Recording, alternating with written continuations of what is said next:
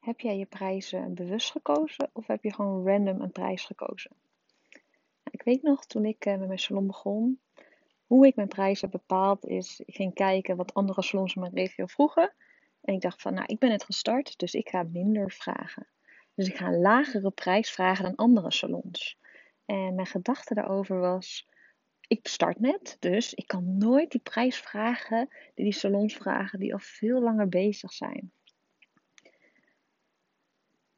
Is dat nu het advies dat ik aan mezelf zou geven als ik met mijn salon zou starten, als we terug naar tijd konden gaan? Nee, absoluut niet. De vraag is, wat zeg je eigenlijk over jezelf als je je prijs bepaalt op wat anderen vragen? Dan ga je jezelf ten eerste heel erg vergelijken met anderen. En door te kiezen voor dat je lager in je prijs gaat zitten voor anderen dan andere salons, omdat je denkt ik heb minder ervaring, dan zeg je eigenlijk ik ben minder goed dan de andere salons. En de vraag is, moet je dat wel willen? Moet je wel eigenlijk zelf het signaal afgeven van hé, hey, ik heb een goedkopere prijs, dus ik ben minder goed dan deze salons? En vraag jezelf af, waar zit de meeste concurrentie op? Is dat op de lage prijs, de gemiddelde prijs of de hoge prijs?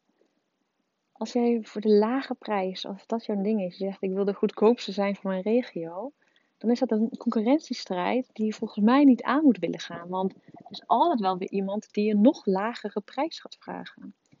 En als jij een gemiddelde prijs gaat vragen, waar zit de meeste concurrentie? Op de gemiddelde prijs. Bijna alle salons die vragen een gemiddelde prijs. Wat nou als jij degene bent die een afwijkende prijs durft te vragen? Dus een hogere prijs of misschien voor bepaalde behandelingen een andere prijs. Uh, daar is bijna geen concurrentie op. Dus marketingtechnisch is het gewoon mega slim om een afwijkende prijs te vragen. En wat wel heel erg belangrijk daarvoor is, is om goede marketing te doen. Want ik kan wel zeggen, bijvoorbeeld, ik ben een nagelstiliste en iedereen in mijn regio vraagt 60 euro voor een set nagels. Als ik denk, nou, ik wil daar 100 euro voor vragen, dat kan, dan, dan moet ik wel mezelf kunnen verkopen. Dus waarom ben ik die 100 euro waard? Want klanten stellen die vraag ook. Van, misschien ben jij heel erg goed, of doe jij iets heel anders dan anderen, of heb jij een bepaalde exclusieve ervaring, of er moet wel een verklaring zijn waarom jij dat doet. En je moet jezelf daarin dus in verkopen. Dus een verklaring verkopen is eigenlijk een beter woord. Ben jij mega goed in marketing, dan kan je jezelf voor elke prijs kan je jezelf verkopen.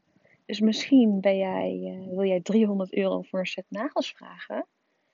Dat kan, dat is zeker niet onmogelijk, maar dan moet je wel gaan kijken hoe kan ik ervoor zorgen dat ik een bepaalde exclusiviteit heb.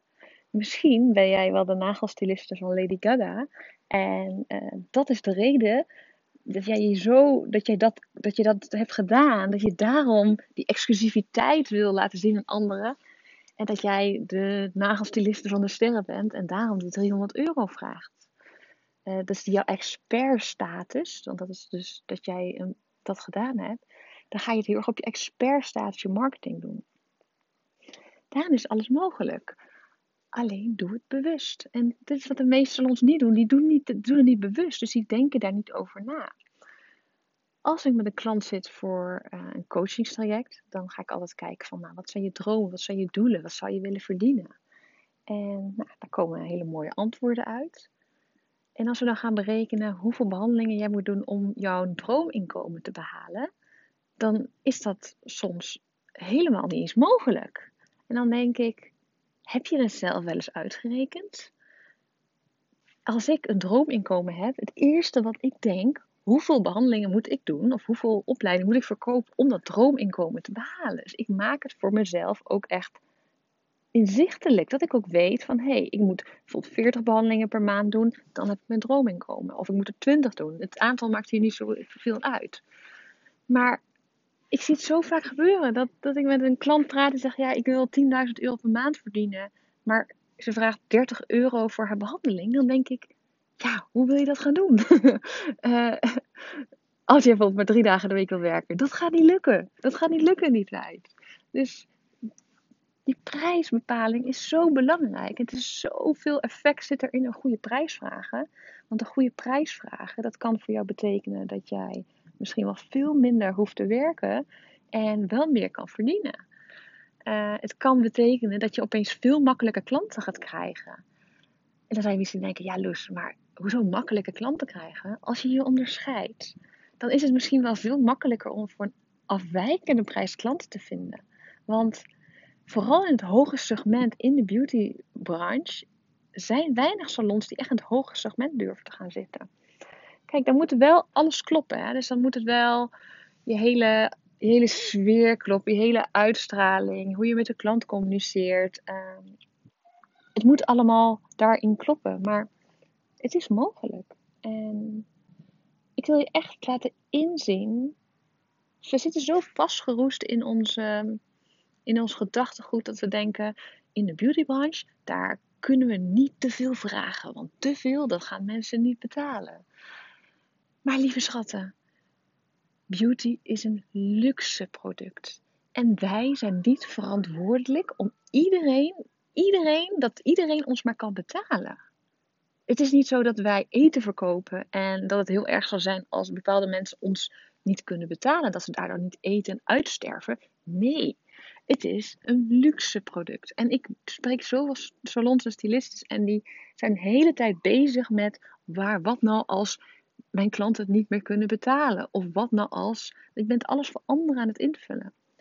En je moet niet voor iedereen beschikbaar willen zijn. En ik zeg niet dat je een hoge prijs moet vragen, helemaal niet. Maar wat ik wil, is dat je een prijs kiest die je, daar waar je over na hebt gedacht, dat er een strategie achter zit. En dat je ook weet wat het effect is van die prijsvragen.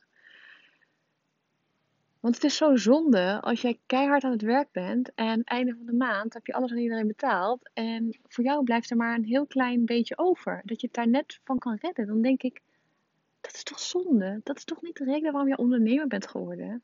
Ondernemerschap is toch ook een stukje vrijheid. En daar, daar hoort toch ook een goede beloning bij. En het is ook een risico. Stel dat jij van de trap afvalt en, en je arm breekt. Dan kan je waarschijnlijk je vak niet uitoefenen tijdelijk niet of voor langere tijd niet. Dat zijn de risico's die wij nemen. En daar moeten we ook geld voor aan de kant zetten. En over nadenken hoe we dat kunnen gaan doen. En wat voor vangnetje je daar voor jezelf voor maakt. En alleen maar door hierover na te denken, om dit bespreekbaar te maken, hoop ik echt dat ik je wakker kan schudden. En dat je dat je er eens over na durft te gaan denken en het onder ogen durft te komen. Want vaak zit er ook een angst onder dat je niet onder ogen durft te komen. Dat je eigenlijk al weet dat je te weinig vraagt. Of dat je eigenlijk al weet dat je droominkomen niet te behalen is. En door je kop in het zand te steken, blijf je maar in die angst zitten. Terwijl als je het onder ogen komt, kan je ernaar gaan handelen. En wat ik zie bij klanten is soms kleine prijsverhoging een mega verschil maakt in het resultaat. Dus dat ze in één keer vele malen meer te besteden hebben uh, onderaan de streep. Waardoor ze dus veel relaxter kunnen leven en gewoon ja, wat meer rust en ontspanning hebben. En jij bent de ondernemer en jij kan bepalen wat je wil. En je mag vragen wat je wil. Maar wat wel belangrijk is om ja, wel te begrijpen dat je wel iets anders moet doen dan andere salons. Want als jij vergelijkbaar bent en je vraagt drie dubbele van de prijs, ja, dan gaan de klanten niet komen. Het moet wel iets zijn waardoor ze bij jou willen zijn. Het kan je kwaliteit zijn, het kan je branding zijn, het kan je een unieke combinatie zijn, het kan van alles zijn. Maar daarom is die marketing echt zo belangrijk. En ik hoop dat je met deze podcast, dat ik je daar een beetje wakker in heb geschud. En uh, ik vind het leuk. Als jij een inzicht hebt gehad over een podcast, stuur me gewoon een DM op uh, mijn Instagram pagina. Mijn Instagram pagina is Proles Beauty. Of je zoekt op Loes Rikkers, dan uh, kom je vanzelf tegen. Ik ben heel erg benieuwd en ik hoop dat jij uh, dat je, dat je gaat nadenken over je prijs. En misschien denk je al heel erg strategisch over je prijs. Er is zoveel meer uit te halen uit je bedrijf. En dat gun ik jou ook. Ik wens je een hele mooie dag.